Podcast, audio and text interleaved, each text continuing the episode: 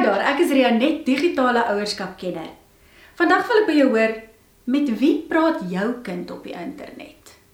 Weet jy wie hulle is? Weet jou kind wie hulle is? Daar's die twee V's, die vriende en die vreemdelinge. Meeste van ons ken die mense met wie ons in kontak is op sosiale netwerke, maar hoeveel keer is daar hierdie interessante ou of meisie wat dalk jou kind teiken en sê please accept my friend request.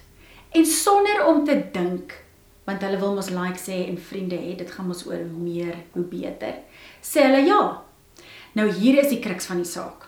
Ons moet hulle leer om te gaan kyk na wie hulle vriende is. Eerste plek, as kind, hoef jy nie vriende te wees met mense wat jy nie kan sien nie. Ek praat van vriende by die skool, mense wat jy na jou huis toe kan nooi en saam eet en kuier.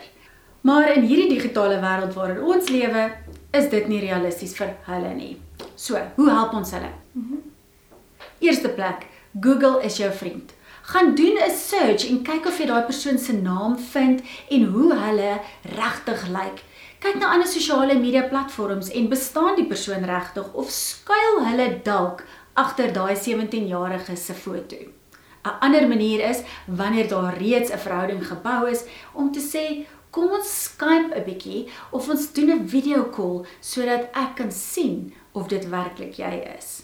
Hoe ook al, ons moet seker wees ons weet met wie ons en ons kinders praat.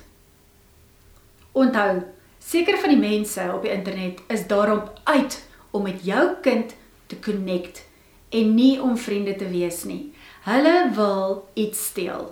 Baie keer wil hulle pornografiese materiaal hê sodat hulle dit in hulle netwerke kan sit. Dit is 'n slegte ding oor te praat, maar dit is baie belangrik dat jou kind weet dat geen foto's van hulle self op die internet gedeel moet word wat hulle in 'n ongemaklike posisie plaas nie. Nou, ons kan doen wat ons wil en alles in plek stel om ons kinders te beveilig. Maar dit vat een vriend om te sê check this out. En daar het hy dit. Jou kind is blootgestel aan pornografie en skadelike materiaal. Dan is daar natuurlik ook speletjies en musiek. Wat 'n fantastiese wêreld is dit nie om te gaan op jou Xbox klim of jy weet of jou Wii en so voort en net in 'n ander wêreld in te verdwyn. Daar is 'n organisasie met die naam Peggy en hulle kyk na ouderdomsgepaste speletjies. So neem asseblief die ouderdomsbeperking in ag en maak seker dat jou kinders die regte speletjies speel. Ja ja, hulle gaan sê come on mom, everyone does it, maar ons moet vir hulle verduidelik dat daar soms morele goed in speletjies plaasvind en inligting gedeel word waarvoor hulle dalk nog nie gereed is nie.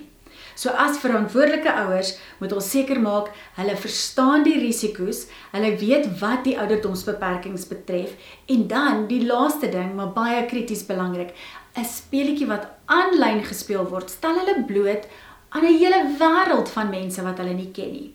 Daarom is daai speletjies gewoonlik tot 18 beperk. So, wanneer by ons kinders kom, moet ons seker maak hulle is bewus van die gevare.